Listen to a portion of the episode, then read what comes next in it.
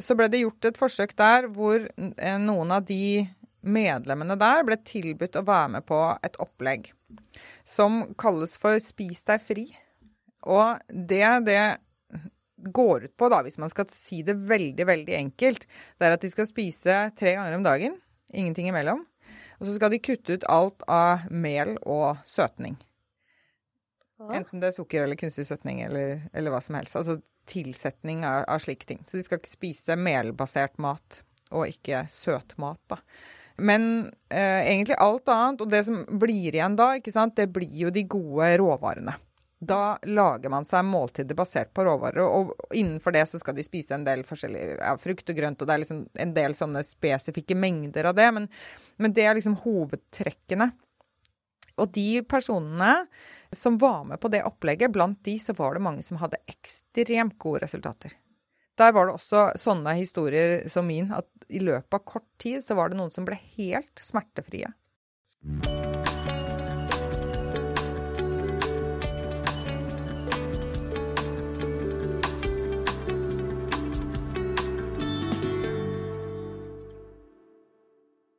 Hjertelig velkommen til podkasten Leger om livet. Mitt navn er Anette Dragland. Jeg jobber som lege, og jeg lager denne podkasten for å gjøre nyttig og god kunnskap lett tilgjengelig for alle. Dere har spurt meg om en stamgjest kunne komme tilbake utallige ganger, og nå har jeg endelig fått henne inn i studio igjen. Marit Kolby er utdanna innen matvitenskap og ernæringsbiologi. Hun underviser i flere tema på bachelorstudiet i ernæring og medisinstudiet ved Oslo nye høgskole. Hun er også forfatter av den bestselgende boka 'Hva og når skal vi spise?' og har mottatt helt vanvittig med engasjement rundt både boka og sin helt egen formidlingsevne. Hun har også i år mottatt hederspris for, fra Landsforening mot fordøyelsessykdommer for hennes arbeid i å avdekke potensielt skadelige tilsetningsstoffer i mat. Og jeg må si at denne dama, hun har gjort en veldig viktig jobb og har vært et viktig bidrag i den nye matrevolusjonen som jeg føler foregår her til lands. Hjertelig velkommen, Marit. Takk skal du ha, Anette. For det er en liten matrevolusjon som er på gang, syns du ikke det? Jo, jeg føler det nå. Jeg føler at nå kommer det litt sånn nedenfra. Mm. Vi har jo egentlig manglet lenge, syns jeg, at myndighetene har tatt tak i viktige problemstillinger her. Sånn at vi ikke har hatt noen god politikk på det området, hvor vi skal beskytte forbrukerne mot dårlig mat og gi gode råd om hva vi skal spise osv. Der har det vært eh, mangelfullt. Mm. Eh, men nå virker det som om, som om folk begynner å våkne for at eh, det er ikke i orden bare fordi det finnes i butikken. Det er ikke greit bare det er lov å bruke. Vi kan faktisk ikke stole på at alt som er tilgjengelig, er eh, sunt og bra for oss. Og mm. selv om det står helsepåstander på et produkt, så betyr det ikke at det er sunt og osv. Så, videre. så Så der har det virkelig skjedd en oppvåkning. Mm. Og den skjer jo parallelt med at altså, folk suger etter denne kunnskapen. Og tar den til seg og gjør endringer i sitt eget liv, sitt eget kosthold og måten de spiser på. Og så merker de så stor effekt på helse. Og da går dette her naturlig. ikke sant? Da mm. går jungeltelegrafen. Folk snakker om disse tingene, forteller hverandre hva de har gjort, og hva som har skjedd med dem. Og, og dermed så får vi en sånn bred oppvåkning da, i befolkningen. Det virker som det er i ferd med å skje nå. Det er en helt annen tone, og det er en helt annen uh, mottagelse uh, jeg får når jeg snakker om disse tingene. Mm. Blir møtt med veldig mye interesse og kunnskapstørst istedenfor uh, tidlig når jeg snakket om disse tingene, så var det mye sånn Nei, dette vil vi egentlig ikke høre noe om. Eller nei, det tror jeg ikke noe på. ja. ja, men det er jo ikke det som står der og der og Ja, ja, ja jeg vet. Jeg merka det jo. Jeg, jeg har jo snakka om eh, tarmbakterier. da, har jo jeg vært veldig fascinert over i, siden 2011, siden jeg selv hadde mageplager og dykka dypt inn i dette under medisinstudiet. Og jeg husker eh, når jeg eh, jobba på UNN i Tromsø, så snakka jeg om tarmbakterier og mat hver eneste lunsj, og til slutt så fikk jeg forbud mot å snakke om tarmbakterier, for de mente det var uappetittlig. ja, jeg er også en som har plaget mine omgivelser med prat om tarm og bakterier og um, ja, slike ting i, i, lang tid. Jeg husker det var en, en av mine tidligere en av de tidligere studielederne på ja. Eh, høyskolen jeg jobbet, hun spøkte med at vi måtte nok skaffe meg en egen bachelor i tarmhelse. Ja, oh, ja. Som jeg kunne være ansvarlig for. Ja, kanskje vi skulle ha fått til det, Barit. Det syns jeg du skal få til. Ja, vi får se. Men i dag så skal vi snakke om eh, selvfølgelig mat og ernæring og irritabel tarmsyndrom. Ja. Det har du eh, snakka en del om og dykka dypt ned i. Og du har selv slitt med irritabel tarmsyndrom. Ja, og jeg gjør det jo fortsatt. Ja. Det er jo ikke noe som blir borte. Det går jo ikke over. Så det handler jo hele tiden om å prøve å kontrollere symptomer, da. Og leve mest mulig symptomfritt. Og, og best mulig å kunne spise best mulig allikevel. Og det er en sånn evig reise, føler jeg, eh, som jeg har holdt på med mesteparten av mitt voksne liv. Så jeg har mye erfaring egenhånds erfaring på det. Og så har jeg jo da gjort veldig mye research på det og lest uh, alt jeg kan komme over for å prøve å finne ut av hva er disse sammenhengene, egentlig. Mm. Så um, ja. Og det er jo veldig mange som plages av det. Det er jo en veldig stor del av befolkningen som har sånne plager. Vi vet ikke helt akkurat hvor mange, men et eller annet sted mellom 10 og 20 er det siste estimatet jeg har hørt. Mm. Og så er det nok veldig mange også som sliter med relaterte plager, men som ikke nødvendigvis har en IBS-diagnose, ikke sant. Mm. Men, eh, men, sliter med f.eks. matintoleranser. Da. Mm. Hvis du legger alle de som reagerer på forskjellige typer mat på toppen av det, så tror jeg vi har, da har vi en stor andel av befolkningen og det kjenner jeg meg igjen fra pasientkontoret. Mm. Altså det er utrolig mange som går med mage-tarmproblemer uten at de snakker om det. Det ja. er når jeg først har spurt dem sånn, ja, men hvordan er tarmen din når de kommer med migrenen eller leddsmertene, mm. at det kommer fram. For man ser ikke forbindelser der. Eh, men før vi går inn på det, så må vi jo nesten si hva irritabel tarmsyndrom er. og jeg liker å eh, tenke på det som en paraplydiagnose, når man ikke finner ut hva som er galt med deg. Hvis ja. man har mm. ikke avdekka noe eh, annen årsak til dine mage-tarmplager, så får du diagnosen irritabel tarmsyndrom. Ja, det er jo egentlig det det er. Det er ja. jo egentlig en diagnose som sier vi ser at du har disse plagene, vi vet ikke hva som er galt med deg. Ja, så mm. det er jo sikkert veldig mange ulike årsaker til at man har en irritabel tarm. Eh, og tarmbakteriene har jo en stor rolle her, sannsynligvis. Men det er greit å vite at dette er på en måte en sånn sekkediagnose. Vi, mm. bare, vi finner ikke ut av det, vi bare putter det der. Ja. Det er en veldig dårlig diagnose, mener jeg. Mm. Også fordi det går så veldig mange forskjellige symptombilder inn i den samme diagnosen. Så det kan jo være enten du sliter nesten bare med magesmerter, eller du sliter bare med forstoppelse, eller du har diaré gjennom hele døgnet, mm. eller bare er oppblåst. Eller det skal jo være en viss kombinasjon av disse symptomene da, for at man skal få denne diagnosen. Men det er så mange forskjellige symptomer som går inn i denne diagnosen, og som gjør at man har Man har jo prøvd å gruppere dette inn i forskjellige kategorier, men allikevel så er det Den er for, den er for bred. Den sier egentlig ingenting om ja, hva skal man si? Det sier i hvert fall ingenting om årsak, da. Mm. Men både jeg og du har sett Jeg har sett utallige av mine pasienter at de kan bli veldig mye bedre. Du har sett det i eget liv. Du har jo fått vanvittig med respons, har jeg skjønt, etter folk som har lagt opp om kostholdet sitt, og fått det bedre. Mm. Vi skal gå litt inn på det. Men hva, hva, gjorde du for å bli kvitt plagene? Hvor lenge hadde du de plagene som skjønte at du har det kanskje fremdeles, men du hadde jo veldig mye mer plager før, mm. hvis jeg forstår deg rett. Ja. Uh, ja, det begynte en eller annen gang sent i 20-årene. Så, så, merket jeg at jeg begynte å reagere på noen spesielle typer mat. Og reagerte med å bli veldig sånn hoven og oppblåst i hele fordøyelsessystemet særlig. Men ikke bare det. altså Jeg hovna på hele kroppen. Beina mine var store og væskefylte. Og altså hele kroppen var liksom helt åpenbart veldig Hva skal man si Antageligvis full av inflammasjon, da. Mm. Det er jo antageligvis det som er, er, er greia. Så, så, jeg merket da at dette var kobla mot forskjellige ting jeg spiste. Så jeg prøvde jo egentlig bare med en gang å, å legge om og, og, fjerne matvarer fra kosten min, og så eksperimentere med det, og så se hvordan det gikk. Mm.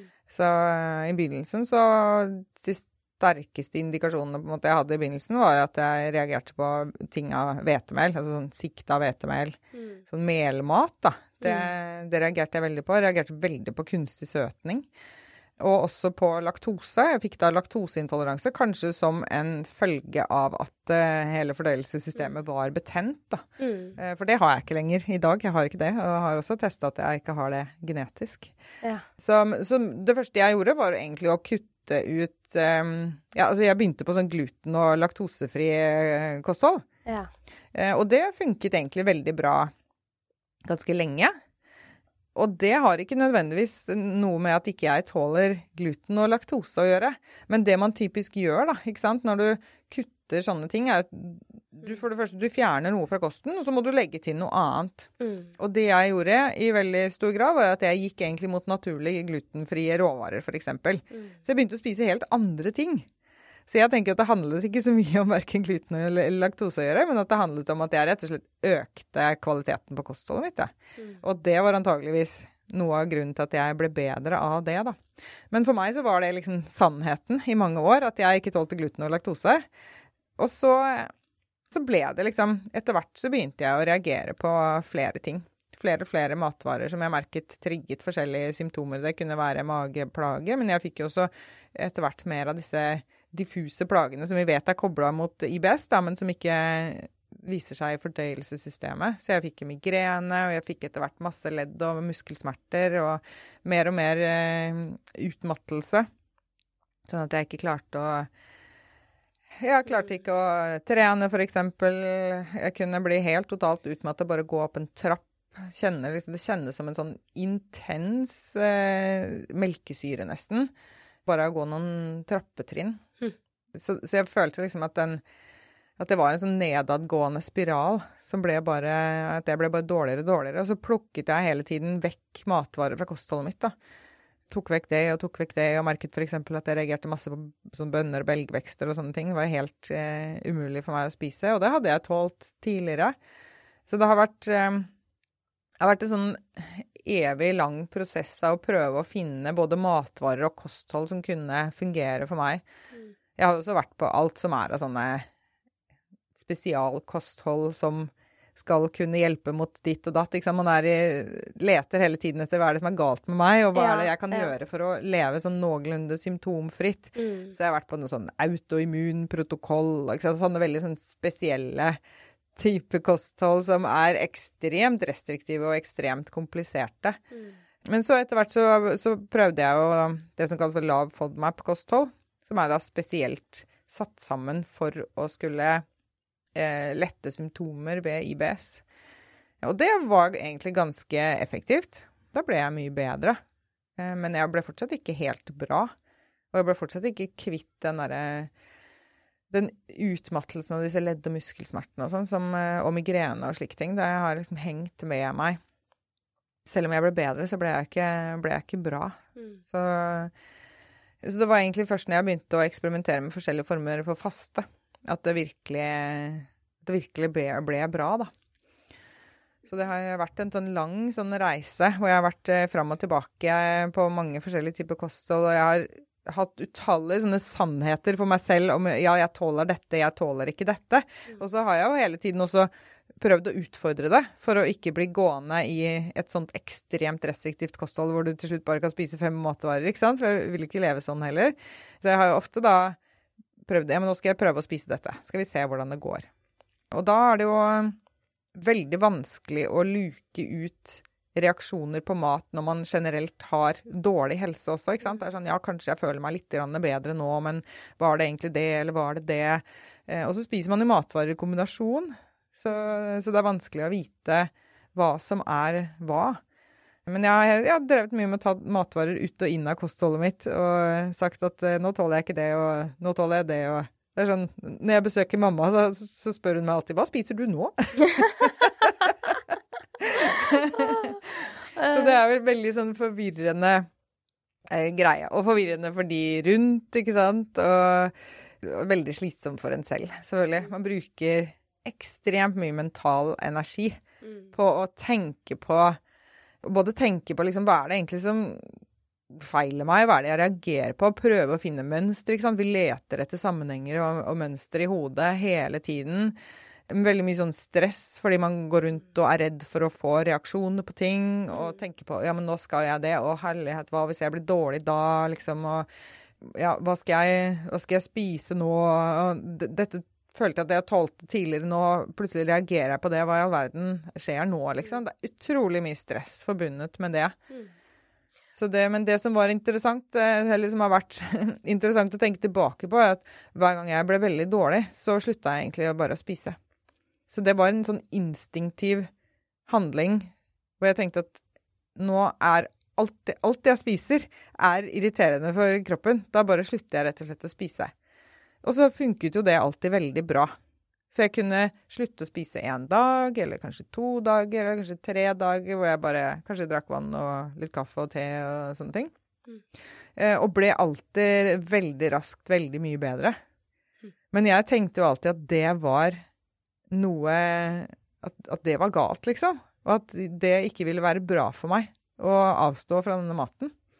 Så jeg både tenkte det selv, og de rundt meg tenkte det. Og det var veldig sånn 'Å, men stakkars deg, og herlighet, skal du ikke spise noen ting?' Mm. Og nei og nei, liksom. Altså Veldig mye sånn negativ snakk rundt det der med å, å avstå fra mat, da. Mm. Som gjorde at jeg, jeg liksom, liksom, Som om jeg på en måte ikke tillot meg selv å gjøre den koblingen ordentlig. Mm. At ja, men denne fasten, den har jo faktisk positiv effekt for mine problemer. Så det er litt sånn det er merkelig å tenke tilbake på at ikke jeg så den sammenhengen så tydelig da. Så det var jo først da jeg ble introdusert for det som kalles for fasteimiterende diett. Så um, av en uh, fagfelle og venn av meg som heter Inge Linseth. Det var han som sa ja, men fasteimiterende diett, da. Har du prøvd det? Og så um, begynte jeg å lese meg opp på det og satte i gang på egen hånd og eksperimentere med det. Det er jo da en det er et femdagers opplegg hvor man spiser lite både energi, men også lite protein. For å sette kroppen i gang med sånne ganske omfattende fasteeffekter som man ellers bare ville fått ved å ikke spise noen ting.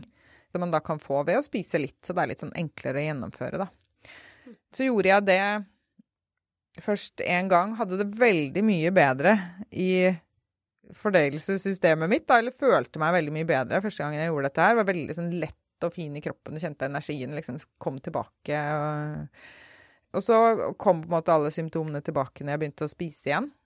Men så tenkte jeg at det var jo så deilig å ha den følelsen som jeg hadde under første runden med fasteimiterende diett, så derfor så gikk jeg på en runde til. Og så skjedde egentlig det samme igjen. Og så gikk jeg på en runde til. Og det som skjedde i etterkant av runde nummer tre, var at da var disse ledd- og muskelsmertene omtrent helt borte. Tenk det. Ja, Og det var helt sånn Wow.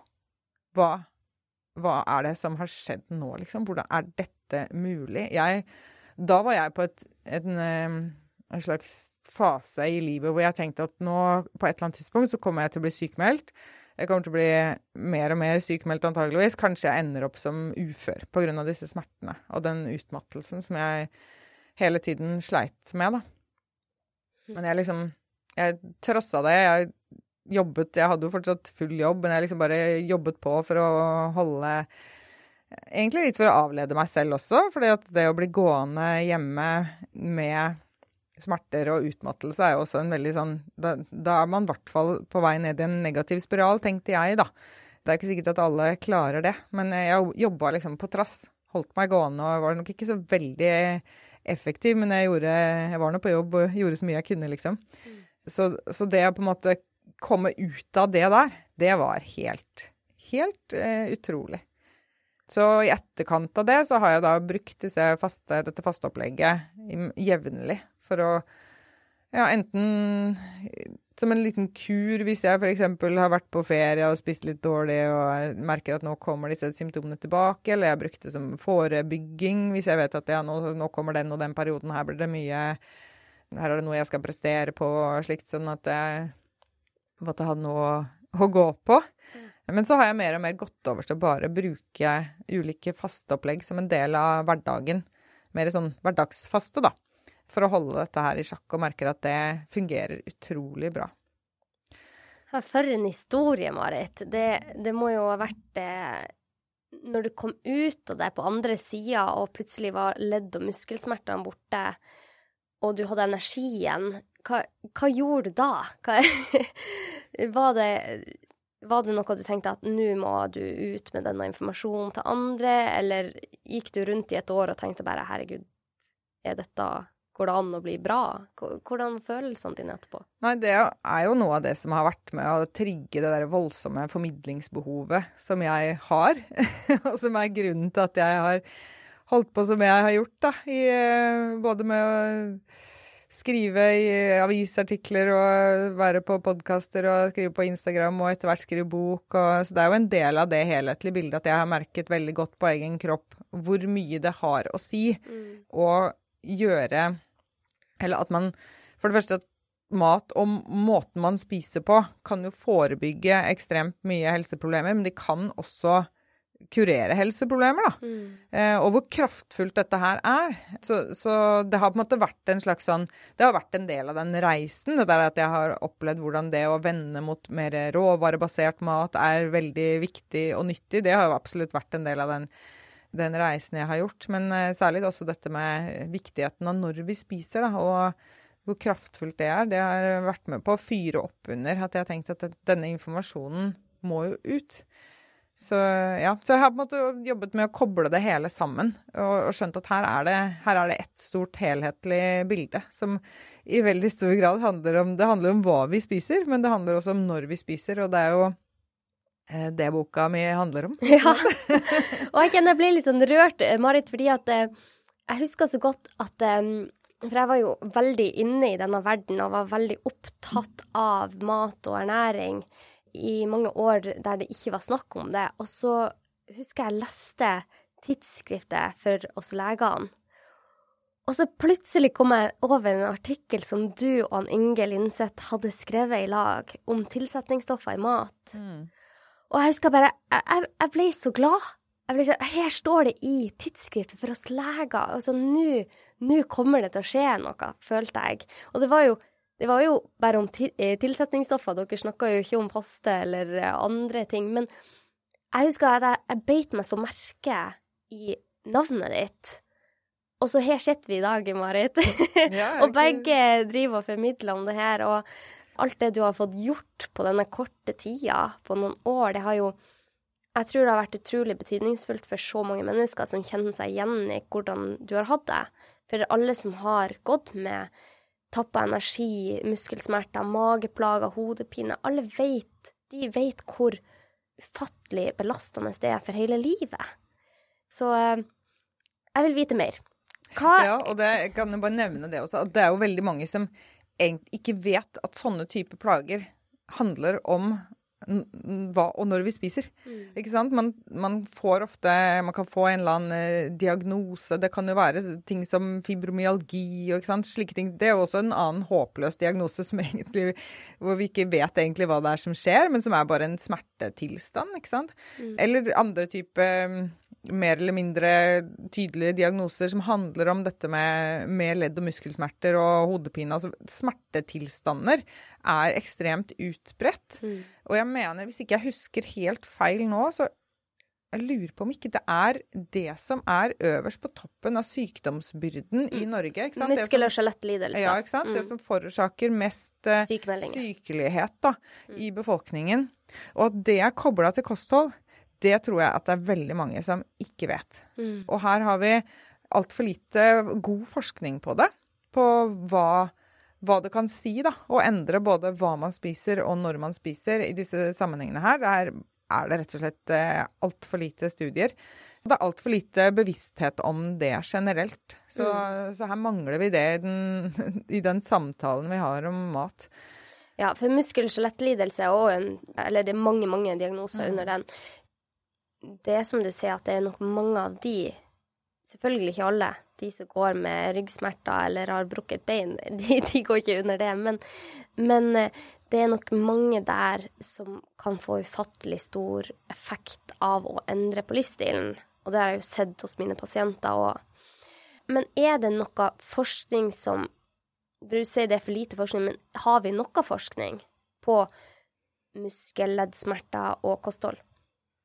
Ja, det er noe. Eh, jeg har prøvd å, å, lete etter det, og nå er det en stund siden jeg dypdykket ned i det igjen, så kan hende at det har kommet noe nytt der. Mm. Eh, men i hvert fall min, mitt inntrykk da, sist jeg gjorde liksom grundig research på det, var at her er det egentlig nesten ingenting. Mm. Så det er en litt interessant eh, greie. Det var um, revmatismeforbundene, er det det det heter? Nå ble jeg plutselig usikker på eh, om det er, om det, er det, som er riktig betegnelse på det. Men i hvert fall, det blir gjort, det ble gjort et forsøk for kan det nå være et par år siden, da, eh, med personer Norsk rev Revmatikerforbund. Norsk Revmatikerforbund heter det. Takk. Så ble det gjort et forsøk der hvor eh, noen av de medlemmene der ble tilbudt å være med på et opplegg som kalles for Spis deg fri. Og det det går ut på, da, hvis man skal si det veldig, veldig enkelt, det er at de skal spise tre ganger om dagen. Ingenting imellom. Og så skal de kutte ut alt av mel og søtning. Enten det er sukker eller kunstig søtning eller, eller hva som helst. Altså tilsetning av, av, slike ting. Så de skal ikke spise melbasert mat, og ikke søtmat, da. Men eh, egentlig alt annet, og det som blir igjen da, det blir jo de gode råvarene. Da lager man seg måltider basert på råvarer, og innenfor det så skal de spise en del forskjellig ja, frukt og grønt, og det er liksom en del sånne spesifikke mengder av det, men, men det er liksom hovedtrekkene. Og de personene som var med på det opplegget, blant de så var det mange som hadde ekstremt gode resultater. Der var det også sånne historier som min, at i løpet av kort tid så var det noen som ble helt smertefrie. Og det her er For meg så er det helt sånn mind-blowing. Og så tenker jeg at ja, men vi må jo bare på en eller annen måte få dette her satt ut i system. Og i hvert mm. fall tilby den veiledningen da, til disse pasientene det gjelder. Og se kan du bli bedre med dette her. Det er jo ingen negative effekter av å endre kostholdet i den retningen. Men det som var konklusjonen, så vidt jeg fikk vite, er um, at de mente Noen mente da at dette her var for ekstremt. Sånn at det ønsket man ikke å gå videre med. Hæ? Og det syns jeg er veldig, veldig synd. Men jeg vet at i Hellas blant annet, så er de, eh, de som får diagnosen leddgikt, i hvert fall, får nå Jeg vet ikke om det er hele Hellas, men jeg så en studie. Der får de nå tilbud om å endre kosthold som en del av behandlinga. Ja, da er de lenger framme enn ja, de, en oss. De må jo vi, vi kommer dit, Marit. Vi kommer dit. Ja, ikke sant. Så, men dette her Det som er så tydelig da, for meg når jeg har jobbet med dette her så lenge, er at det å spise råvarebasert mat og unngå den ultraprosesserte maten i så størst, stor grad som mulig, og det å spise passe sjelden for en selv Altså redusere på frekvens på måltider. Det har, det har på en måte potensial til å gjenopprette helse. Det har også potensial for å forebygge sykdom, selvfølgelig. Mm. Men det, det, man gjør da, ved å spise på en sånn måte, er at man gir kroppen mulighet til å reparere seg selv. For vi er jo egentlig skrudd sammen for å ha helse, og vi har mange gode systemer i kroppene våre som skal ivareta det, som skal opprettholde normaltilstand. Men hvis vi spiser på en måte som forstyrrer disse systemene, så kan vi få mange forskjellige typer helseplager. Og det kan jo arte seg som det ene eller andre eller tredje eller fjerde eller femte, avhengig av hvem er du som person, hva er din genetiske sammensetning f.eks., hvilke andre stressorder, som vi kaller det, da, er det du har i livet ditt. ikke sant? Mm. Sover, du, sover du nok? Har du mye eh, Har du dårlige sosiale relasjoner? ikke sant? Stresser du som bare det? Mangler du fysisk aktivitet, eller får du det? Så setter du sammen ulike kombinasjoner av disse tingene her, sånn, og så kan du slå ut som veldig mange forskjellige typer sykdommer. Men alle har på en måte opphav i de samme mekanismene. At vi ikke lar kroppen få lov til å vedlikeholde og reparere og opprettholde normaltilstand. Så det er derfor også man kan se at noe som faste da, kan virke på så ekstremt mange forskjellige typer helsetilstander. Det er jo helt fascinerende at hvis man begynner å grave i fastelitteraturen, ja, men det hjelper jo på det ene og det andre, tredje, fjerde, femte, sjette. Og det samme ser vi jo også med dette med, med kvaliteten på maten. At f.eks. det å, å, ha et kosthold dominert av ultraprosessert mat Det virker jo på det ene og, tredje, det ene og andre og tredje, fjerde og femte, sjette helseproblemet. Mm. Ikke sant? Så det gir jo mening når man ser på det helhetlig, Mm. at dette handler om de samme mekanismene. Det handler om la vi kroppen få lov til å vedlikeholde og reparere seg selv. Mm. Så, og det er jo også da koblingen, tenker jeg, da, mot dette med dette med irritabel tarmsyndrom, f.eks. At det kan være så utrolig effektivt å bare redusere på antall måltider. For da får man tilbrakt mer tid i en tilstand hvor kroppen driver og reparerer og vedlikeholder. Mm. Mm. Det er jo i hvert fall kanskje verdt et forsøk, ikke sant? Det som er problemet akkurat når det gjelder IBS, da, Mm. der er det jo faktisk ikke noen studier i det hele tatt. Mm. Eh, eller det finnes til dags dato, eh, med mindre jeg har gått glipp av noe, jeg har lett ganske nøye og søkt ganske spesifikt på dette her. Det finnes én studie som spesifikt har undersøkt faste i forbindelse med IBS. Men der var det en ti dagers vannfaste, og det er jo Ja. veldig ekstremt. ikke sant? Mm. Én ti dagers vannfaste, Mm. eh, og veldig gode resultater, men det er jo veldig lite gjennomførbart for de fleste. Mm. Så det Og det er jo ikke bra for de fleste. Nei, ikke sant? Og da må du ha tilsyn av, lege, og det Mm. burde jo helst foregå på en fasteklinikk i så fall, og, og slike ting. Og er absolutt ikke nødvendig, er i hvert fall min erfaring, og veldig mange andres erfaring også, at man, man må bare legge inn litt mer faste i hverdagen. Eh, og det handler ikke om å sulte seg. Det handler rett og slett om å f.eks. For forlenge nattfasten og få en, kanskje en lengre periode i løpet av døgnet hvor man ikke spiser. Og så spiser man godt og spiser seg god og mett til f.eks. to til tre måltider da, i løpet av dagen. Mm. Dette her handler jo ikke om slanking.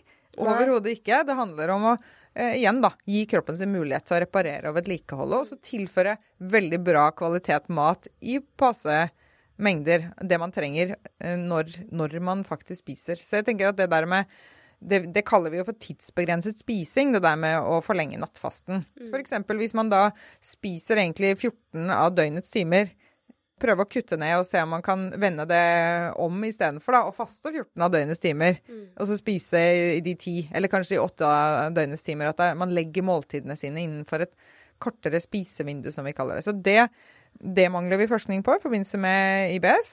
Der er jeg med på en, en søknad nå, så jeg håper at den går gjennom, at vi får penger til å gjennomføre den studien. Oi. For der, der er det ingen som har gjort dette her, og jeg har søkt på clinicaltrials.go og sett om er det noen studier på gang nå. Jeg ser ingen studier på tidsbegrenset spising og IBS som er registrert, og som er pågående. Så det er jo helt klart, at her er det jo et svært kunnskapshull. Eh, og også eventuelt andre typer faste, da. Mer det vi kaller for periodisk faste, hvor man kanskje bare spiser én gang om dagen, eller man har det vi kaller alternerende faste, hvor man har fastedager innimellom, f.eks. Hvor man har dager hvor man faster helt. Sånne type opplegg er ikke undersøkt i forbindelse med IBS. Men den Ja, jeg har altså fått så mange tilbakemeldinger fra folk som har begynt å følge mine råd om å spise sjeldnere, men å spise ordentlig godt og nok, og spise seg ordentlig gode og mette når de spiser. Sånn at det ikke er noe problem å gå noen timer mellom måltidene. Det føles ikke som noe, noe belastning, føles ikke som noe vanskelig endring i det hele tatt. Men gå da over på en litt lengre nattfaste, og så spise to eller tre måltider om dagen. Det er så mange som har meldt tilbake at deres fordøyelsesplager har enten blitt veldig mye bedre eller helt borte. Det er Mm. påfallende mange som sier at ja, men jeg har ikke IBS lenger jeg nå, når jeg begynte å spise sånn. Så kan man jo begynne å lure på at for en del personer er det sånn at IBS faktisk For de personene, da, kan IBS rett og slett være reaksjoner fra fordøyelsessystemet på at man får for hyppig påfyll av mat. Og også selvfølgelig mat av dårlig kvalitet ja, kan, kan spille inn her. sånn. Så dette med tilsetningsstoffer som vi nevnte litt eh, i stad. Mm. Kan vi gå inn på det Ja. kjapt? Fordi at det har jo Altså, du sier at vi skal spise ren, hel mat. Mm. Eh, men jeg får jo utrolig mye spørsmål etter episodene om eh, ernæring og mat og tarmflora. Om hva, hva er det? Hva, altså, hva kan jeg spise? Må jeg bare spise gulrot og potet og fisk? Hva, er, finnes det noen matvarer som inneholder flere ingredienser som jeg kan spise? Det er veldig stor eh, Det er mye misforståelse der ute òg, og jeg får jo også spørsmål sånn um, er det, er det forskjell på ultraprosessert mat? Hvis den inneholder én ting, én ingrediens, f.eks. aroma, men alt de andre fire ingrediensene er helt fine ingredienser, kan jeg spise det da? Det, det er kjempevanskelig å svare på alt det her, fordi vi vet, For det første så vet vi jo ikke vi har jo forska på ultraprosessert mat, men man vet jo ikke graderinga av ultraprosessert mat, hvordan det påvirker oss. I hvert fall ikke som jeg har sett. Har du sett noen studier på det? Nei da. Eh, dit har vi ikke kommet ennå. Så det vi vet, er at et kosthold som er dominert av ultraprosessert mat, mm. det er kobla mot veldig mange forskjellige typer helseproblemer. Mm. Eh, og så vet vi jo fra en veldig god randomisert kontrollert studie at et kosthold som er Da, da er det så mye som over 80% ultraprosessert mat, det fører også til ganske stor vektøkning på kort tid. Så det er jo noe vi vet, men vi vet jo ikke noe mer om spesifikt av undergrupper av de, og hva, liksom, hva er best og verst osv. Det er jo ikke undersøkt i studier. Så når du spør om det er det liksom graderinger innenfor ultraprosessert mat, det vil jeg absolutt si at det er. Mm. Altså sjokolade er All sjokolade er regnet som ultraprosessert mat. Men jeg mener jo at f.eks. en 70% kakao-sjokolade er et veldig mye bedre valg enn en eller annen ja. Snickers, ja, som er For eksempel, ja. ikke mm. sant? Et eller annet sånt noe. Mm. Eller en eller annen sjokolade som har veldig mye mer greier i seg da, ikke sant, og kjeks og ting og tang oppi. Så, så det er helt klart forskjeller der, og det er forskjeller sikkert på andre ting også. Men er all sjokolade ultraprosessert? Ja. Det regnes som ultraprosessert mat. Det er jo fordi at det er jo et rent sånn nytelsesprodukt, da. Som er laget for at vi skal like det veldig godt og ikke sant. Det ja, men det er inn, mange av disse eh, sjokoladene jeg kjøper, blant annet den sjokoladen eh, du har fått hos meg nå i dag, eh, den er jo laga med bare fire ingredienser. Ja, men det er når man klassifiserer ultraprosessert mat, så klassifiseres det både etter innhold og, eller prosesseringsgrad, og også etter hensikt. Oh. Hva er det som er hensikten med dette her? For da kunne man brukt samme, det samme resonnementet f.eks. på potetgull, og så kunne man si at ja, men det er ja. jo bare potet og olje og salt. Ja. Hvorfor er ikke dette et prosessert produkt? Jo, det er for, fordi at dette er laget for at det, vi skal like det så godt som mulig. Mm. Ikke sant? Så det er hensikten der som, som kicker inn. Men det betyr jo ikke at altså, Det er jo ikke sånn at ikke vi ikke tåler noe ultraprosessert mat. Vi spiste spiste jo sjokolade og is eh, før eh, fedmeepidemien og alle disse andre kroniske sykdommene som plager oss i stor, så stor grad nå kicket inn, da. Mm. Ikke sant? Det er klart, det er åpenbart at vi gjør det, men det handler om frekvens og mengde, da, som jeg alltid gnåler om. det handler om passe, eh, passe lite, passe sjelden. Men, så, har... men, men, det er det der. Men når kostholdet domineres av ultraprosessert mat, da er det et problem. Men jeg tenker sånn jeg, jeg, merker veldig forskjell på mine følgere på dette her. Noen på en måte catcher den greia med 'Å ja, det er råvarer jeg skal spise', ja.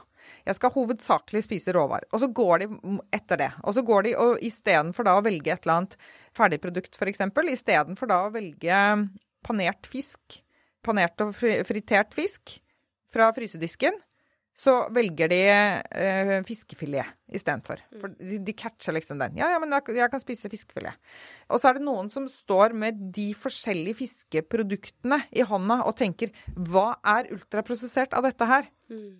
Og da tenker jeg at det er ikke så veldig hensiktsmessig at vi skal prøve å lære opp folk til å bli eksperter på å klassifisere etter denne NOVA-klassifiseringen, ikke sant? Som klassifiserer produkter inn i forskjellige kategorier. For den er ganske vanskelig, for jeg har jo studert den, og jeg visste ikke at sjokolade var ultraprosessert. Og jeg har jobbet med denne klassifiseringen i mange år, og jeg har fortsatt av og til usikker på et, uh, hvorvidt et produkt er ultraprosessert eller ikke. Og, ikke sant? Mm. Uh, så, så, det blir på en måte litt for vanskelig for forbrukeren da, å forholde seg til. Men hvis man som forbruker hele tiden tenker hva er råvareutgaven av det jeg står og vurderer nå? Altså hvis man står da med et sånn frokostblandingsprodukt i hånda, som man mistenker kanskje Ja, men dette her er sikkert ganske prosessert produkt. Hva er råvareutgaven? Å oh, ja, ja, men det er kanskje havregryn, ja. Kanskje jeg skal kjøpe havregryn istedenfor. Mm. Eller byggryn. Eller kan jeg spise noe helt annet istedenfor å spise den ultraprosesserte frokostblandingen til frokost? Kanskje jeg kan spise eh, yoghurt naturell med bær og nøtter i stedet for. Mm. Ikke sant? Man hele tiden tenker hva er, hva er råvareutgaven, da? Hva er råvareutgaven av pommes frites? Pommes frites har jo, så vidt jeg forstår, plutselig blitt en sånn derre staple, som man kaller det. Altså sånn grunnstein i det norske kostholdet. Folk kaster pommes frites i stekeovnen og spiser det til middag veldig, veldig mye. Vi Mm. spiser jo mye mer sånne ultraprosesserte poteter enn vi spiser vanlige poteter. Hva er råvareutgaven av det? Jo, det vil jo da være å kappe opp disse potetpottene og putte de i ovnen selv. Og lage potet. Mm. Bakte potetbåter, sant. Eller et eller annet annet uh, av potet. Det er liksom det som er råvaren. Så vend tilbake til det, istedenfor å bruke masse eh, tid og krefter på å prøve å finne ut av hva som er mest ultraprosessert, da. Mm. Så, Og, og det du formidler, er jo at eh, man trenger ikke å alltid 100% av tida ikke spise ultraprosessert. Du spiser selv mørk sjokolade når du vet det er Ja, da. ultraprosessert. Spiser potetgull og Ja. Men jeg gjør ikke det hver dag. Nei, nettopp. Så det handler om å ikke utsette seg for veldig dårlig mat veldig mange ganger i løpet av en dag. Veldig ofte i uka. Ja, ikke sant? Og istedenfor å slenge den der pizza grandiosaen i ovnen, så lag deg en omelett. Det Mm. er så enkelt. Vet du hva, når du sier det, det du, du har jo vært en god formidler av geitmyra. Mm. Og jeg fikk jo den boka i gave hos han Erik Rød som har skrevet den boka. Ja, den er kjempefin, Den den, eh, kokeboka så- til Geitmyra. Den er så fin, så jeg må bare bruke eh, noen sekunder på å reklamere for den. Fordi den er så fin. Nå har jo jeg fått den i gave. Og min sønn på åtte, som har begynt å bli en racer på å lese, plutselig begynte han å synes at det var kjempeartig å lage mat. Så for i forgårs lagde han omelett derifra. Og i går så lagde han pannekake og tomatsuppen fra den boka. Bare det at barn får muligheten til å lage noe helt selv. Han er åtte år, han lagde det helt selv. Ja. Og da eh, får barn også en forståelse av hva mat er, Ja. når de lager det selv. Så det finnes sånne bøker òg vi kan ta i bruk som gjør det lettere for neste generasjon å skjønne forskjellen på ultraprosessert og god, hel, råvarebasert mat. Og vi må ta tilbake litt den matlagingen, tenker jeg. Mm. Det, er, det er faktisk ikke så vanskelig. Altså Hvis vi går tilbake til det fiskeeksempelet. Det er jo ikke mer jobb å eh, bake fiskefilet i ovnen enn å varme opp den friterte, panerte fisken. Det er Nei. faktisk ikke det. Nei. Så finne de der enkle løsningene. Men det, men det, det ikke sant? Jeg, jeg skjønte jo ikke hvor enkelt det var å lage tomatsuppe før jeg gjorde det. ikke sant? Så jeg kan forstå hvorfor man gjør det når man ikke vet hvor enkelt det kan være. For alt kan føles veldig komplisert og vanskelig når man ikke har vært vant til å lage mat. Men da anbefaler jeg bare prøv. Bare prøv én rett, om det så er tomatsuppe eller eh, ja, noe, en omelett. For da vil du starte med å komme i gang med å lage Mm. helrein mat.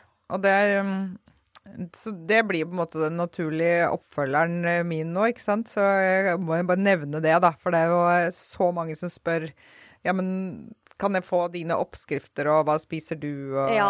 og ikke sant. Sånne ting. Så, så jeg er jo nå i gang med å skrive en kokebok. Hurra! Ja. Sammen med søsteren min, som er eh, Hun er psykolog. Men hun har også en lang historie med matintoleranser og plager fra fordøyelsessystemet. Og vi veldig, har blitt veldig gode begge to da, på hvordan man skal lage råvarebasert mat. Eh, og også kunne tilpasse, sånn at den passer til hvis man ikke tåler det og ikke tåler det. Eller bare omgå hele problemstillingen med å velge matvarer som er naturlig som veldig mange vil tåle. Så vi har mye erfaring med det, og så få det til å gå, passe inn i et uh, hektisk uh, hverdagsliv med små barn og med jobber og ikke sant, alt det der. Så nå driver vi og samler sammen hverandres kunnskap og erfaringer og eh, lager en kokebok som er veldig, veldig nedpå.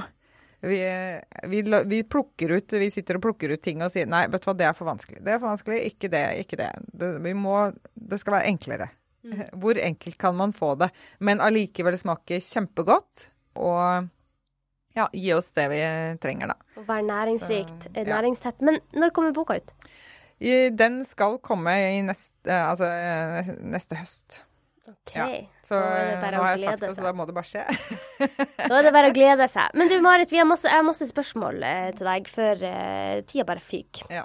Det er jo mange som spør meg om Ja, men hvis det bare står på pakken at det er tilsatt fiber og sånn, for folk vi, De fleste av oss har jo forstått at fiber er bra. Kan du fortelle, hva er, først og fremst, hva er fiber? Og hvorfor skal man helst ha det fra ren hel mat? Ja, altså fiber er en samlebetegnelse for ufordøyelige karbohydrater. Altså for eh, karbohydrater som ikke vi kan bryte ned eh, høyt oppe i vårt eh, fordøyelsessystem, altså med våre fordøyelsesenzymer. For det er jo det vi egentlig gjør med andre karbohydrater. Hvis det er eh, sukker eller stivelse eller slike ting, så har vi enzymer, som er da sånne spesialproteiner som gjør jobber kjemiske jobber for oss, kan vi si. Så det har vi for andre karbohydrater, men ikke for disse fiberne. Så det betyr at disse stoffene blir da eh, ikke, eller i veldig liten grad, brutt ned eh, der i fordøyelsen hvor næringsopptaket hovedsakelig skjer, mm. som er da tynntarmen. Det er jo der vi tar opp næringen. Eh, så de går egentlig mer eller mindre ufordøyd forbi tynntarmen, og så havner de da i tykktarmen. Og der kan de fordøyes, men ikke ved hjelp av våre egne fordøyelsesenzymer. Da er det jo da mikrobene som lever i tykktarmen vår, som klarer å bryte ned disse her spesialkarbohydratene.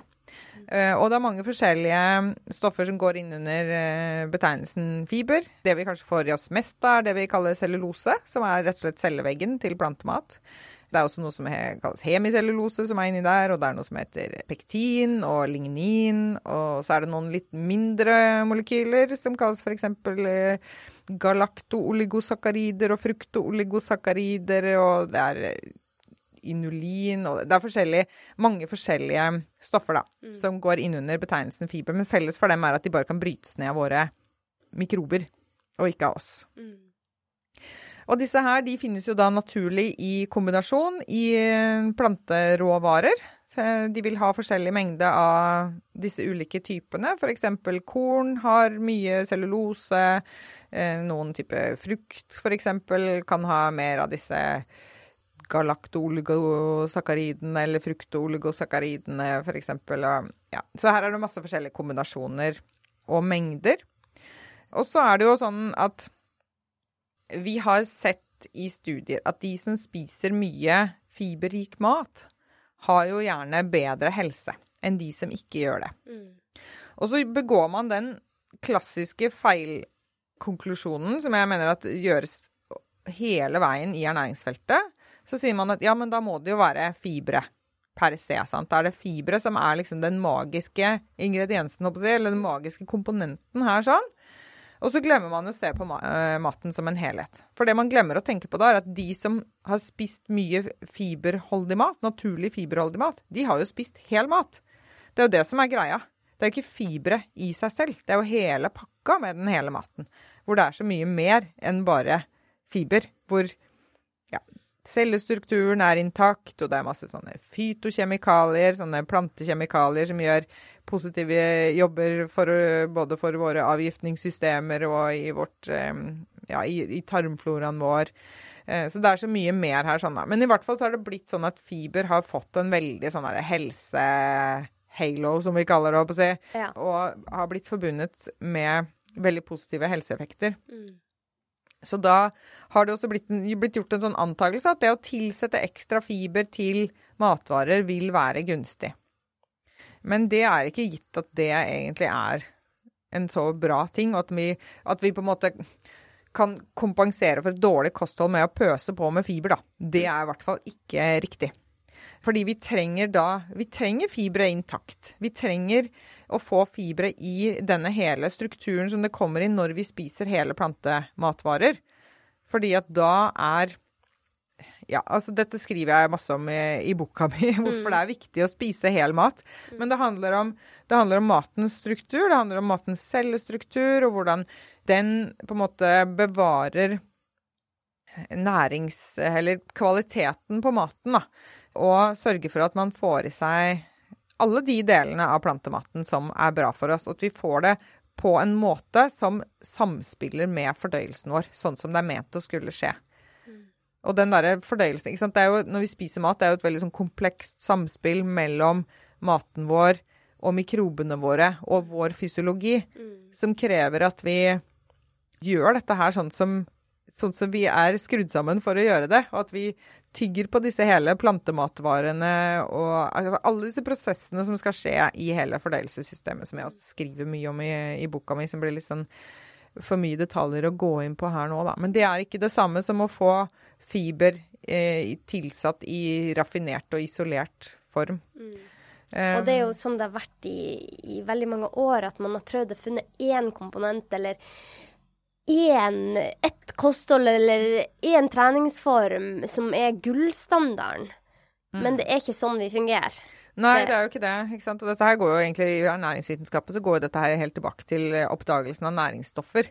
Og vi da fant ut at ok, det næringsstoffet er koblet mot denne mangelsykdommen, og det er koblet mot denne mangelsykdommen. Og så ble liksom disse næringsstoffene sånne magic bullets for å reparere eller fikse opp i spesifikke sykdomstilstander. Og så har vi dratt med oss den tankegangen også over i vår tid, hvor vi har sykdomsbilder som er mye mer komplekse, som ikke skyldes én spesifikk mangel på ett stoff. Mm. Vi har fortsatt den tankegangen. Å ja, mm. nei, men det må jo være, det må jo være fettet. Nei, det må mm. være sukkeret. Nei, det må være det metta fettet. Nei, det må være uh, det eller det eller det. Istedenfor at vi ser på maten som en helhet. Eh, men vi gjør det i mye større grad nå i ernæringsvitenskapen. Det er ganske mye sånn enighet om at vi kan ikke se på disse enkelte næringsstoffene lenger. Men det henger så veldig igjen. Fortsatt både mange fagfolk som henger igjen i den tankegangen der, men det henger veldig igjen også i den generelle oppfatningen om hva vi skal spise. Mm. Ikke sant? At vi snakker om disse enkelte næringsstoffene som om det er det saliggjørende. Mm. Så, men det er mye Det er jo masse interessant. Vi kunne sikkert hatt en hel episode bare om fiber, men noe av disse forskjellige typer fiberne er jo noe av det som kan gi plager hos de som har IBS. Man ser at noen sånne spesifikke former kan, kan trigge symptomer. Og da kan jo da hjelpe å spise mat som ikke inneholder så mye av disse spesifikke fiberformene, da, som kan skape problemer. Mm, veldig greit at du sier. Så heil, få fiber gjennom planteriket. Ja. hele planteriket er fullt av forskjellige typer fiber. Mm. Men da må vi også gå inn på Du snakka om kunstig søtning. Kan vi ja. ta to minutter om det? Tror du det påvirker tarmfloraen, helsa vår? Hva viser forskninga? Ja, det er ganske åpenbart at det gjør det. Eh, og viktig å vite at når disse kunstige søtningsstoffene ble godkjent til bruk i sin tid, som går mange tiår tilbake i tid, eh, så var det ingen som hadde dette med, med mikrobiota, eller mikrobiome, på radaren. Så de ble jo ikke undersøkt for effekter på det. Så det er ikke en del av godkjenningsgrunnlaget for disse stoffene. Det tror jeg det er mange som ikke tenker på og ikke vet. Man tror liksom ja, de er så godt undersøkt, og dette er så trygt. Eh, men det er mange effekter av disse søtningsstoffene som ikke har blitt undersøkt. Mm. Så her har vi jo store kunnskapshull i godkjenningsgrunnlaget, mener jeg, da. Eh, og så har det jo blitt gjort ikke veldig mye forskning, men det har blitt gjort noe forskning. Og ja, nylig så kom det, kom det en studie til som, som viser helt tydelig at disse kunstige søtningsstoffene, i hvert fall særlig noen av dem, altså spesielt sakarin og sukralose, har en effekt på tarmfloraen. Og det trenger jo ikke å ha noe å si i seg selv. Altså alt vi spiser og drikker og veldig mye av det vi gjør, vil kunne påvirke tarmfloraen i en eller annen retning. Så det at den endrer seg, det er ikke noe problem i seg mm. selv. Men det vi ser, er at den endrer seg på en måte som forstyrrer metabolismen vår. Og i dette tilfellet så var det da glukosetoleransen. Og det med å ha nedsatt glukosetoleranse, det er jo et forstadium til diabetes type 2. Så når man da ser at tarmfloraen endrer seg på en måte som gjør at vi mennesker da, eller de personene, tåler dårligere å spise eh, glukose, da, eller karbohydratholdig mat, får en dårligere blodsukkerregulering, rett og slett, hm. det er et problem. Det. er det som er problemet, ikke at tarmfloraen endrer seg i seg selv. Mm. Eh, og jeg må si jeg blir ganske irritert når jeg ser disse presseoppslagene rundt dette her, hvor, hvor det er da personer innen ernæringsmiljøet som blankt avfeier at dette her er en problemstilling i det hele tatt, basert på at ja, det har jo ikke noe å si at tarmfloraen endrer seg. Nei, det har ikke det, men når det endrer seg sånn at metabolismen øh, havner på tur, da har det noe å si. Og det er det vi må orientere oss etter. ikke sant? Vi må orientere oss etter er det påvirker dette her vår kropp og våre kroppsfunksjoner. Og disse her igjen, disse systemene som skal opprettholde helse. Dette med glukosetoleranse er jo et av disse systemene. ikke sant? En, en fungerende glukosemetabolisme er et sånt eh, grunnleggende system i oss mennesker som skal opprettholde normaltilstand. Mm. Vi skal ta inn glukose når det er for mye av det i blodet, vi skal sende ut når det er for lite. ikke sant? Og vi skal hele tiden finjustere dette. Det, dette må fungere perfekt. Ja, så derfor så er, mener jeg at, at det er grunn til å være føre var og passe på de søtstoffene. Og eh, ja, jeg tenker jo at det er ikke et bedre alternativ f.eks. å drikke lettbrus enn å drikke brus. Det gode alternativet er å ikke drikke brus. Og der må vi være mye mer tydelige. Vi har så lyst, ikke sant? Vi har så lyst Ja, til at det finnes en sånn der en eh, free lunch, rett og slett. Ja, ja. At av det kan jeg drikke tre liter om dagen, og det har ingenting å si. Det er som vann. Her er det så mye kognitiv dissonans. ute Ja, ja. Og det må vi anerkjenne. At det handler om at vi, vi ønsker oss at disse søtningsstoffene skal være harmløse, og at eh, det bare er å pøse på. For da kan man opprettholde den vanen med å drikke masse kunstig søtning. Men også, hvem er det som profitterer på det, da? Det er jo ingen andre enn de som lager disse produktene, som profitterer på dette her. Mm. Så jeg mener at det er absolutt grunn til å være føre var der. Men det man også ser, da, at her er det her er det forskjell i individuell respons. Så det er ikke alle individer som reagerer på samme måten. Så hvis man da tar et utvalg på 100 personer, og så setter dem på, et, eh, på masse lettbrusdrikking, så vil du se denne responsen i noen personer, men ikke alle. Så noen ser ut til å tåle det bedre enn andre. Mm. Og det er, eh, ser også ut igjen til å være avhengig av tarmfloraen. Mm. Ikke sant? Så, ja, så her er det Her er vi litt sånn Vi kan ikke si noe om at du som har den tarmfloraen vil tåle dette, og du vil ikke tåle dette, osv. Men vi kan si at dette gjelder ikke Det ser ikke ut til å gjelde alle. Eh, Men sånn er det jo med det meste. ikke sant? Vi har individuelle forskjellige responser på ting vi spiser og gjør osv. Der er Ja. Så, så Og så er jo ikke disse studiene lagt opp over mange, mange år òg. Nei, ikke sant. Det Så- kan det jo ikke være. Så, Nei, men det Mm. hadde jo vært interessant å ta det over en tiårsperiode, ikke sant? Mm. For kanskje de som tåler det bra over ti dager, ikke tåler så godt over ti år. Ja, absolutt. Eh, så det, det er greit å, å vite dette òg. Men jeg får mye spørsmål om f.eks. stevia som kommer fra en plante. Kan jeg spise det? Er det tryggere enn ja, det, det, er mange spørsmål. Kan du noe om det? Altså, jeg syns det er litt vanskelig med stevia, for dette er ikke så innmari lenge siden det kom måte, inn i systemene våre. Det er ikke så lenge siden det ble godkjent i bruk i, i Norge. Vi har ikke så mye erfaring med det. Foreløpig så ser det ut fra de studiene jeg har sett på, at det er litt mindre problematisk. Men jeg tenker også at noe av greia er at vi egentlig bør ta litt sånn oppgjør med den derre er, Skal vi gå mot denne søte maten og drikken hele tiden? Er det egentlig bra for oss, da? Og at vi egentlig bør redusere på både frekvens og mengde på den søte maten og drikken ned til et nivå hvor det kanskje ikke har noe å si om det er enten stevia eller sukker. At det er det vi egentlig må ta tak i. Fordi at vi opprettholder en preferanse for det søte som gjør at vi søker mot feil type mat, da. Når vi søker å, å, å søte det med den ene eller andre formen for søtning som har mindre kalorier, ikke sant. Så vi vender oss mot dårligere kvalitet mat. Så, men hvis jeg skulle ha en eh, dråpe med et eller annet i teen Nå har jeg vent meg til å drikke te uten noe søtning, men hvis jeg skulle bruke noe, så hadde det vært stevia. Det jeg Honning.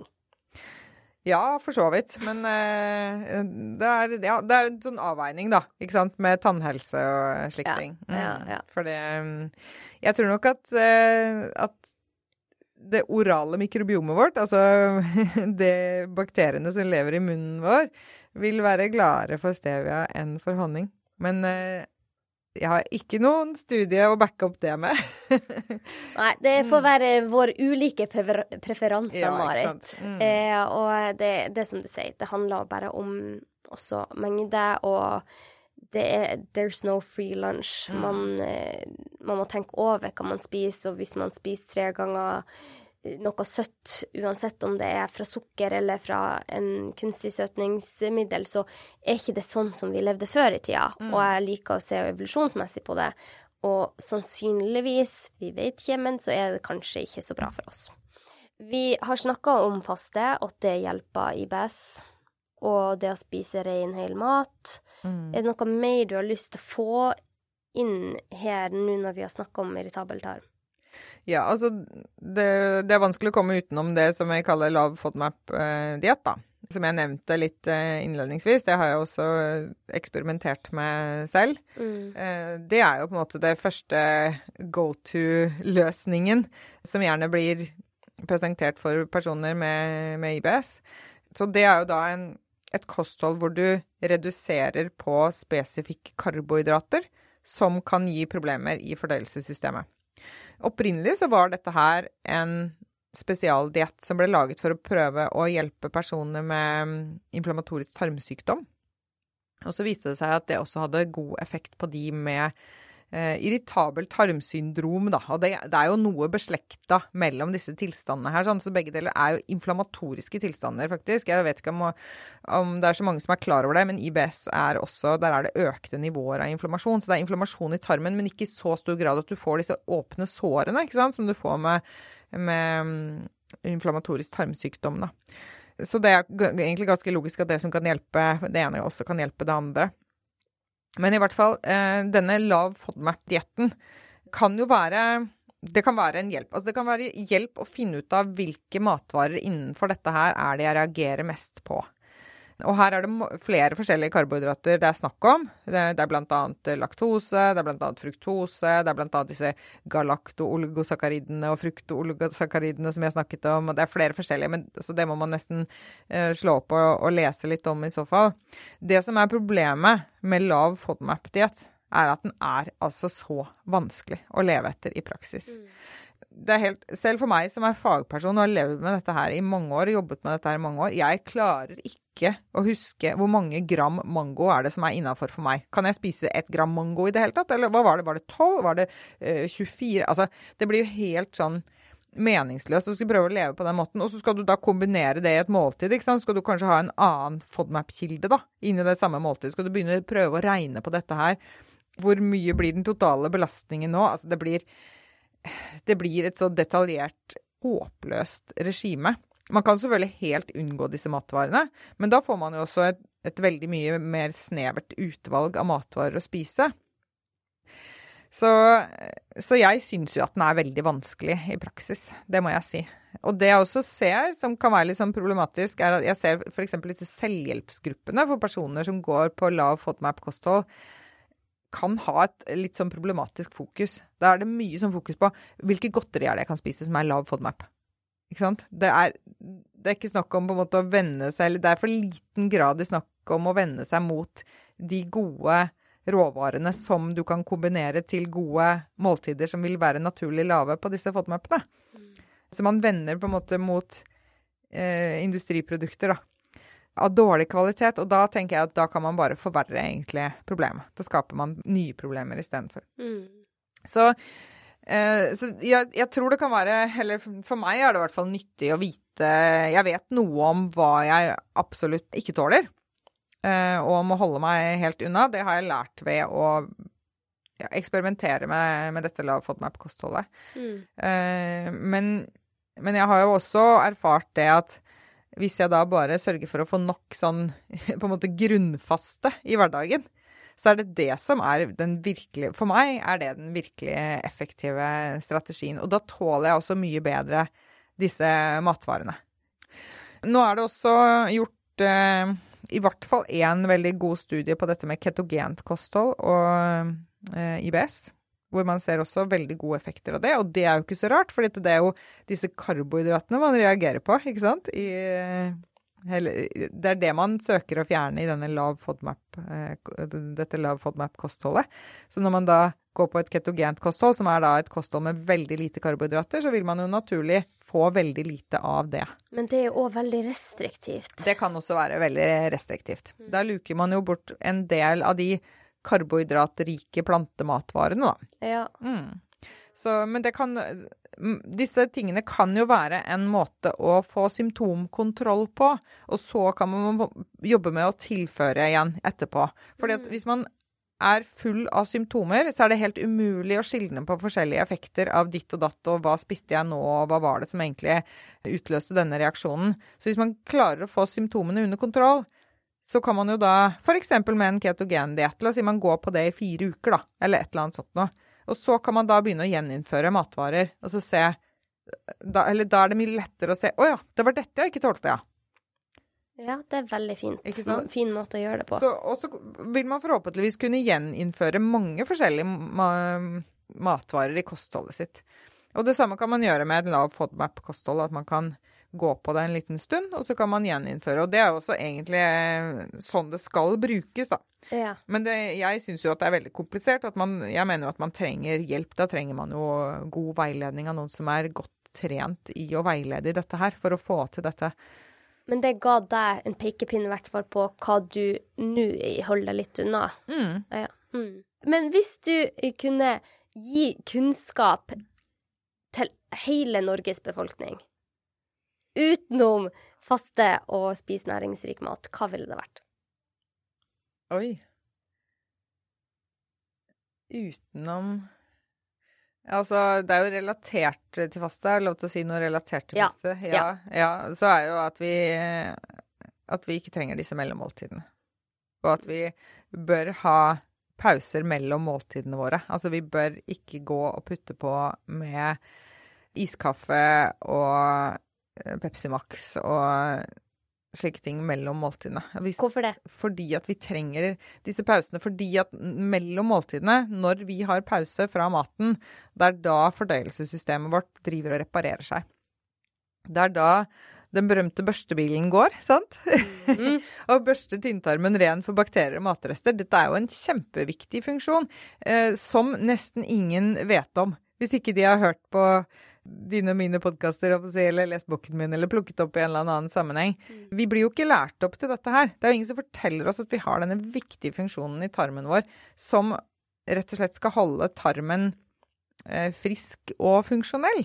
Vi trenger å børste litt i tarmen, akkurat som vi trenger å pusse tenner og rydde litt i hjemmet vårt, ikke sant? For at ikke ting skal hope seg opp. Det skulle jeg ønske at vi kunne lære allerede fra barnsben av. Og at det, er, det å da kjenne på litt rumling i magen, det er en positiv ting. OK, nå kjører børstebilen. Nå skal jeg la den få lov til å holde på og Rengjøre. rengjøre litt. Og så skal jeg spise når det er tid for å spise mat. Når det er tid for å sette seg ned og spise et ordentlig måltid. Den der lille rumlingen er ikke et tegn på at 'å, nå må jeg strekke meg ned i veska etter en mellombar'. Det er kjempeviktig at vi ikke gjør det, og at vi klarer å snu den utviklingen der. Med at det har blitt en sånn veldig stor Det har blitt en sannhet at vi skal småspise hvis vi er litt uh, småsultne, da. Det burde vi absolutt uh, få endret på den holdningen der. Og det tror jeg, der er det også i ferd med å skje en stor oppvåkning. Og også få kunnskapen om at i de periodene uten mat, så foregår det altså reparasjon og vedlikehold. Og at det er like viktig som å spise sunn mat, er de der pausene hvor vi reparerer. Mm. Mm. Så det handler jo ikke nødvendigvis om at vi må ha så veldig lange fasteperioder. Det handler bare om at vi må ha en god, lang nattfaste og så pause fra maten gjennom dagen.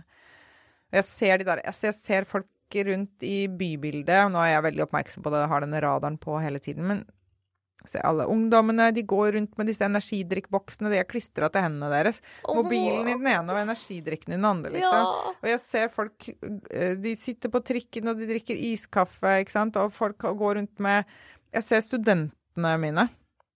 De sitter og- og løser oppgaver i seminar, og halvparten har disse lettbrusflaskene ved siden av seg, som de drikker på hele tiden.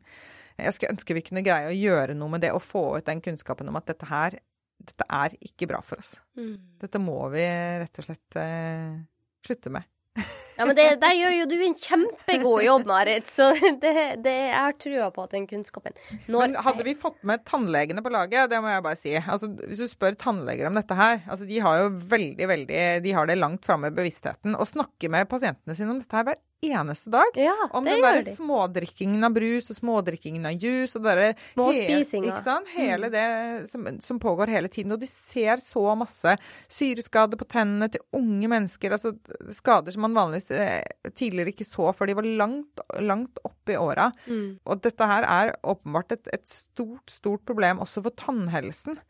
Så hvis vi kunne få med tannlegene litt mer på laget til å brøle litt høyt om dette her Brøle litt høyt, det var en selvmotsigelse.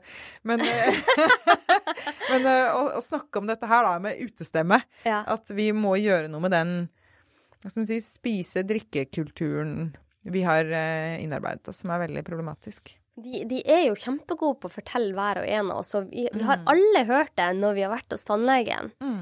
Bare det at den informasjonen går inn det ene øret og ut det andre når man egentlig ikke har lyst til å høre det. ikke sant? Ja, ikke sant Men nu, når man skjønner at det påvirker også hele systemet, og tannhelsa vår er jo kjempeviktig for resten av helsa vår. Det er jo der det starter. altså en sunn sunn tarmflora, en sunn mikrobiota, den starter jo i munnen. Og vi ser at hvis det er avvik på det som skjer i munnen, altså en usunn eh, munnflora, da, den forplanter seg videre nedover i fordøyelsen også og påvirker det som skjer der. Jeg har vært på leit etter en tannlege som er god på dette, og som liker å formidle om helhetlig helse, selv om de har fokus på tann, tannhelse. Mm. Så hvis det er noen av dere som vet om en, så skriv meg en eh, melding på Instagram eller Facebook, for at det har jeg veldig lyst til å snakke om. Men OK, Marit, er det noe vi har glemt å gå gjennom i dagens episode? Ja, altså glemt og glemt. Vi kunne bare døgne, vi. Når det Jeg snakker om å sitte her og prate om uh, det får bli en 24-timersepisode en eller annen gang. Ikke sant? Uten med fasting. da spiser vi ingenting, og så ser vi hvor lenge vi klarer å holde det gående. Eh, men er det noe mer du har lyst til å formidle nå? Eh, oh, oh, um, så var det ei som jeg møtte på her, for jeg spiller jo inn på Akast, og hun spurte om du kunne gi henne noen tips til hvordan hun skulle holde ut julebordsesongen og jula. For at hun merker at hun blir dårligere etter jula alltid. Ja, dårligere med sånn type mageproblemer. Det, det vet jeg ikke, men hun sa det at, at hun, Hvordan skulle hun holde ut desember? Ja, det er, det er, ikke så lett å gi tips hvis ikke jeg vet hva som er problemet. men det er, det er, klart, eh, det som er veldig tydelig da, i den tiden vi går inn i nå, ikke sant, i eh, førjulstiden, mm. det er jo det at det er, det er jo pepperkaker overalt. Ikke sant? Uansett hvor du går, så står den derre dumme pepperkakeboksen framme. Og gir til barna når vi går barna, inn i butikken, ja, lekebutikken. Altså til og med altså, på Vinmonopolet så får barn nå kjærlighet på pinne. Det er ikke greit! Det er ikke greit. Så kan man jo diskutere om det er smart å ha med seg barna sine på polet i det hele tatt. Men, eh, men, men, da må jeg si at jeg fikk faktisk litt sjokk. Ja. Og tenker, og lekebutikkene har blitt godteributikker, og bokhandlene har blitt godteributikker, og dette her er Det er et kjempeproblem at det er altså et sånn vanvittig trykk av denne usunne maten hele tiden, overalt. Så altså, det man kan gjøre, da, er å rett og slett definere seg som en person som ikke spiser mellom måltidene. Det hjelper mye bare det. Å liksom si at ja, men jeg spiser ikke noe mellom måltidene. For da er det ikke aktuelt. Da trenger du ikke å stå og ta det valget om du skal spise pepperkake eller ikke. Bare fordi du står i bokhandelen og kjøper en julegave. Mm. Da etter hvert, så Hvis man trener seg på det, så vil etter hvert hjernen lære seg å egentlig overse disse tingene her sånn. Mm, det, det, skjer gradvis. Det skjer man, bare, man, bare, ser mm. det ikke. Men det er jo det som er så synd, for vi lærer barna våre motsatt. ikke ja. sant? Jeg syns det er kjempevanskelig. Jeg skulle ta med min eldste inn på en lekebutikk nå, for han skulle peke på hva han ønsker seg til jul. Mm. Og da står det pepperkake der. Ja, ikke sant? Og jeg blir bare helt sånn For jeg vil ikke være den mammaen som alltid sier nei. Mm. Men når man tar de rundt omkring, så er det så mye. Og det gjør selvfølgelig ikke noe med den ene pepperkaka, men det blir en pepperkake tre ganger om dagen. Ja, det er det. Det er ikke den ene pepperkaka. Det er det som er problemet. Når man legger sammen summen av det hele, så er det altså så så blir det så mye, og det blir, en, eh, det blir en stor del av barnas energiinntak er godteri og, og kaker. Så da tenker jeg at altså, det er jo ingen andre enn, bar, enn, oss som skal ta ansvar for barnas kosthold. Så det er jo vi voksne. Vi må jo begynne med oss selv. Er det, er det snilt å gi pepperkaker til barn i dette, denne situasjonen her? Er det snilt å gi godteri til barn i denne situasjonen? Det er jo ikke det. Mm. Veldig, veldig sjelden så er det det som er konklusjonen. Så vi må vi må barn... ta et oppgjør med den kulturen der også, altså. Ja, og barn trenger jo kanskje mer næringstett mat enn Absolutt. oss voksne. Mm. Og de, det begrenser hva man får i et barn. Mm. Det vet alle som er foreldre, i hvert fall, at de, de sier nei når de er mette. Og, eh, og det, det, det, som gjør, skjer, er at tre pepperkaker kan ødelegge for hele middagen, ikke sant? Ja, absolutt.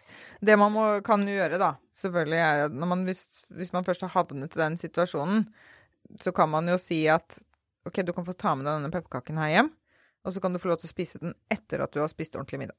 Ja, nei, men uh, det er virkelig Men det er problematisk. Men hvis man da kan, kan klare å liksom sjalte ut alle disse her småhendelsene av ting som ikke vil være bra for, uh, for kropp og fordøyelse, da. Mm. Og rett og slett bare si at dette forholder jeg meg ikke til. Jeg mm. bare unngår det. Jeg ser det ikke. Mm så kommer man seg bedre gjennom den julebordsesongen. For det, altså det er tross alt ikke så vanvittig mange For de fleste så, sånne store middager og sånn, at det egentlig burde få lov til å velte alt. Jeg tror ikke egentlig det er det som er problemet. Altså, hvis man skal på et julebord og spise en ordentlig middag, det skal man jo allikevel. ikke sant? Så hvis man bare spiser disse ordentlige måltidene og, og, velger selvfølgelig så bra man kan, hvis det er mulig å velge på en meny eller et koldtbord eller et eller annet sånt, så kan man jo velge den beste maten, da. Den sunneste og mest eh, næringsrike og råvarebaserte maten. Jeg, jeg, tror, som du sier, Marit, at hvis man bare hadde takka nei til de måltidene mellom, så hadde mm. man kommet inn i januar med mye mer energi, og da tåler vi jo. Vi tåler jo noen pepperkaker. Det er ikke det du prøver å si, eller jeg prøver å si. Men det er det der hele tida småspisinga gjennom en hel dag. Mm. Ja, og hvis du får lov, får lov, til å fortrenge den ordentlige maten. Det er mye bedre at det kommer etter et ordentlig måltid, enn at det kommer imellom måltidene. Mm. Absolutt. Så, mm, og så skal man jo da, når man først er på julebord, så skal man jo kose seg med maten. Så skal man ikke ha dårlig samvittighet for det. Man skal spise ordentlig god og mett på ordentlig mat. Men så mm. skal man ikke, ikke tenke at nei, jeg burde ikke ha gjort det, og burde ikke ha gjort det. Men det går jo sånn å kompensere litt, hvis man føler at nå ble det litt mye. Ja, ha litt lenger nattfaste, da. Skipp eh, frokosten den dagen hvis du vet at eh, nå blir det litt ekstra i kveld. man kan jo Eh, regulere litt på sånn, for å få da litt mer pause fra maten også. Men ja, OK, Marit. Nå har du gitt masse gode tips og råd, og jeg er så glad for at du deler så raust av kunnskapen din. Du har jo virkelig bare pløyd upløyd mark i et år nå, og ja, mange år før det, men det har jo Navnet ditt er blitt et navn som mange forbinder med god mathelse. Og det er bra. Det er kjempe, kjempefint at det er det som, som sitter igjen. Mm. Så, du spurte om det er noe jeg har glemt å si. Eh, egentlig så er det én ting jeg gjerne vil si, da. Og det mm. er det der med Vi snakka om i stad at det er ikke egentlig noe forskning på dette her med, med faste og IBS. Og det er også en grunn til at jeg har bare eh, forholdsvis ganske nylig begynt å snakke mye om det. For jeg tenkte at her jeg har ikke noe grunnlag for å si noe om det. Her er det ikke noe kunnskapsgrunnlag. Dette er egentlig bare mine personlige erfaringer. Så derfor så var det så utrolig interessant da, i forbindelse med at boka kom ut, at det begynte å trille inn alle disse meldingene om folk som hadde gjort disse endringene, og at de da fikk så mye bedre Ja, så fikk mye lettelse fra disse symptomene på IBS. At det er blitt et veldig, veldig tydelig signal for meg nå. Mm. Mye tydeligere enn det det var bare for et år siden. Mm. Så det er, det er kjempe, kjempeinteressant, altså. Ja, for når det blir veldig mange stemmer Én ja, er jo en anekdote, men når det kommer inn 1000 sånne meldinger, så ligger det jo noe der. Der er det et eller annet som vi overhodet ikke har greid å ta tak i før. Så, eh, så jeg håper at det også kan, kan spre seg litt, og at, eh, at, det også er da leger som kan plukke opp dette her og bruke det som et ekstra verktøy. Fordi at vi har altfor dårlige hjelpemidler. Vi har for lite å tilby de som plages med ja, forskjellige plager fra fordøyelsessystemet, og, og, da mye sånn type diffuse lidelser som er kobla til det.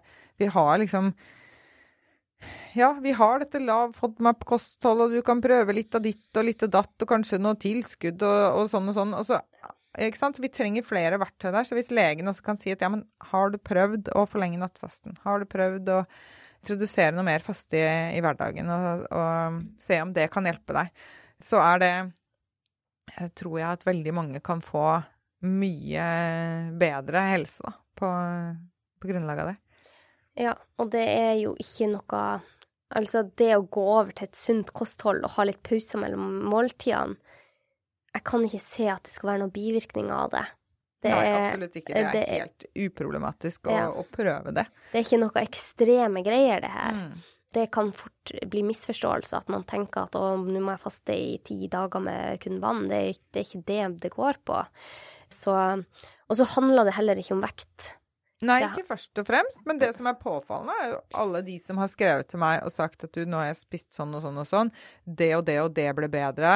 Ikke bare fysiske ting, men også det mentale. Det er så mange ting ikke sant, som har blitt bedre. Og så sier de å, by the way, jeg har gått ned de der sju kiloene som har plaget meg hele mitt voksne liv. Mm. De bare forsvant når jeg begynte å spise på denne måten. Mm. Og så får det på en måte mindre oppmerksomhet fordi at det var alle disse andre helseplagene som, som føltes så utrolig godt å kvitte seg med. Da. At den vekten egentlig ble så lite viktig oppi det, selv om de kanskje har frustrert veldig mye over den vekten også i, i mange år. Mm. Og brukt mye energi på det, ikke sant. Som, som veldig mange gjør, dessverre. ikke sant? Bruker masse tid og krefter på å tenke på skulle spist sånn og skulle spist sånn, og jeg veier litt for mye og er misfornøyd med det. Og, ikke sant? Mm. Mye sånn eh, tankekjør rundt det greiene der. Mm. Veldig fint, Marit. Hvor kan mine lyttere nå deg? Ja, det klarer de visst fint å finne ut av selv. altså Det går jo an å, å nå meg på Instagram eller på Jeg har også en Facebook-side som heter Ernæringsbiolog Marit Kolby. Men eh, problemet er jo at jeg får så mange henvendelser at jeg kan ikke svare på henvendelser. Altså individuelle henvendelser hvor man spør om eh, hvilket produkt skal jeg velge, eller eh, jeg har sånn og sånn, hva, jeg, hva bør jeg spise, og hva er dine tanker om dette her? Og folk sender meg eh, artikler og videoer en masse og vil at jeg skal kommentere på det, og man har eh, kollegagjengen som har en diskusjon, kan ikke du hjelpe oss å løse opp i dette her, hva er fasiten, og send oss en studie, ikke sant. Altså, jeg får hundrevis av meldinger hver dag. Jeg kan ikke svare på disse meldingene. Mm. Mm.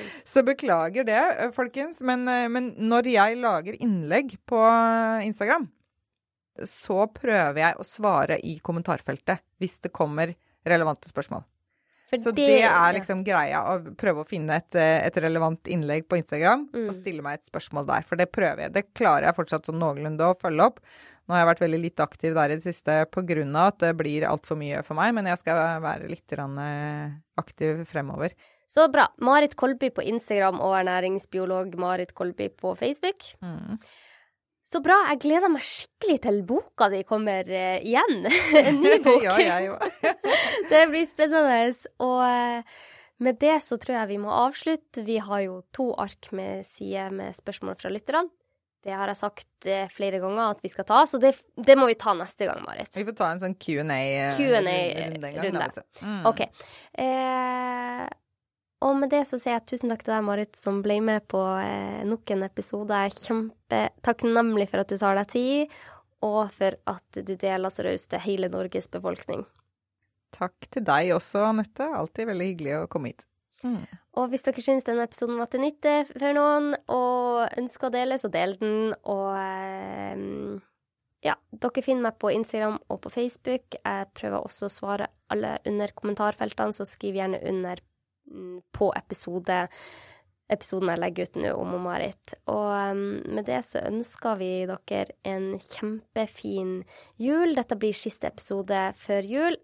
Eh, fordi at jeg må ta en pause. Jeg har jobba litt for mye i det siste. Så nå tar jeg juleferie. Dette var siste episode. Og da ønsker vi dere en kjempefin jul, og vi ses på nyåret. Ha det godt.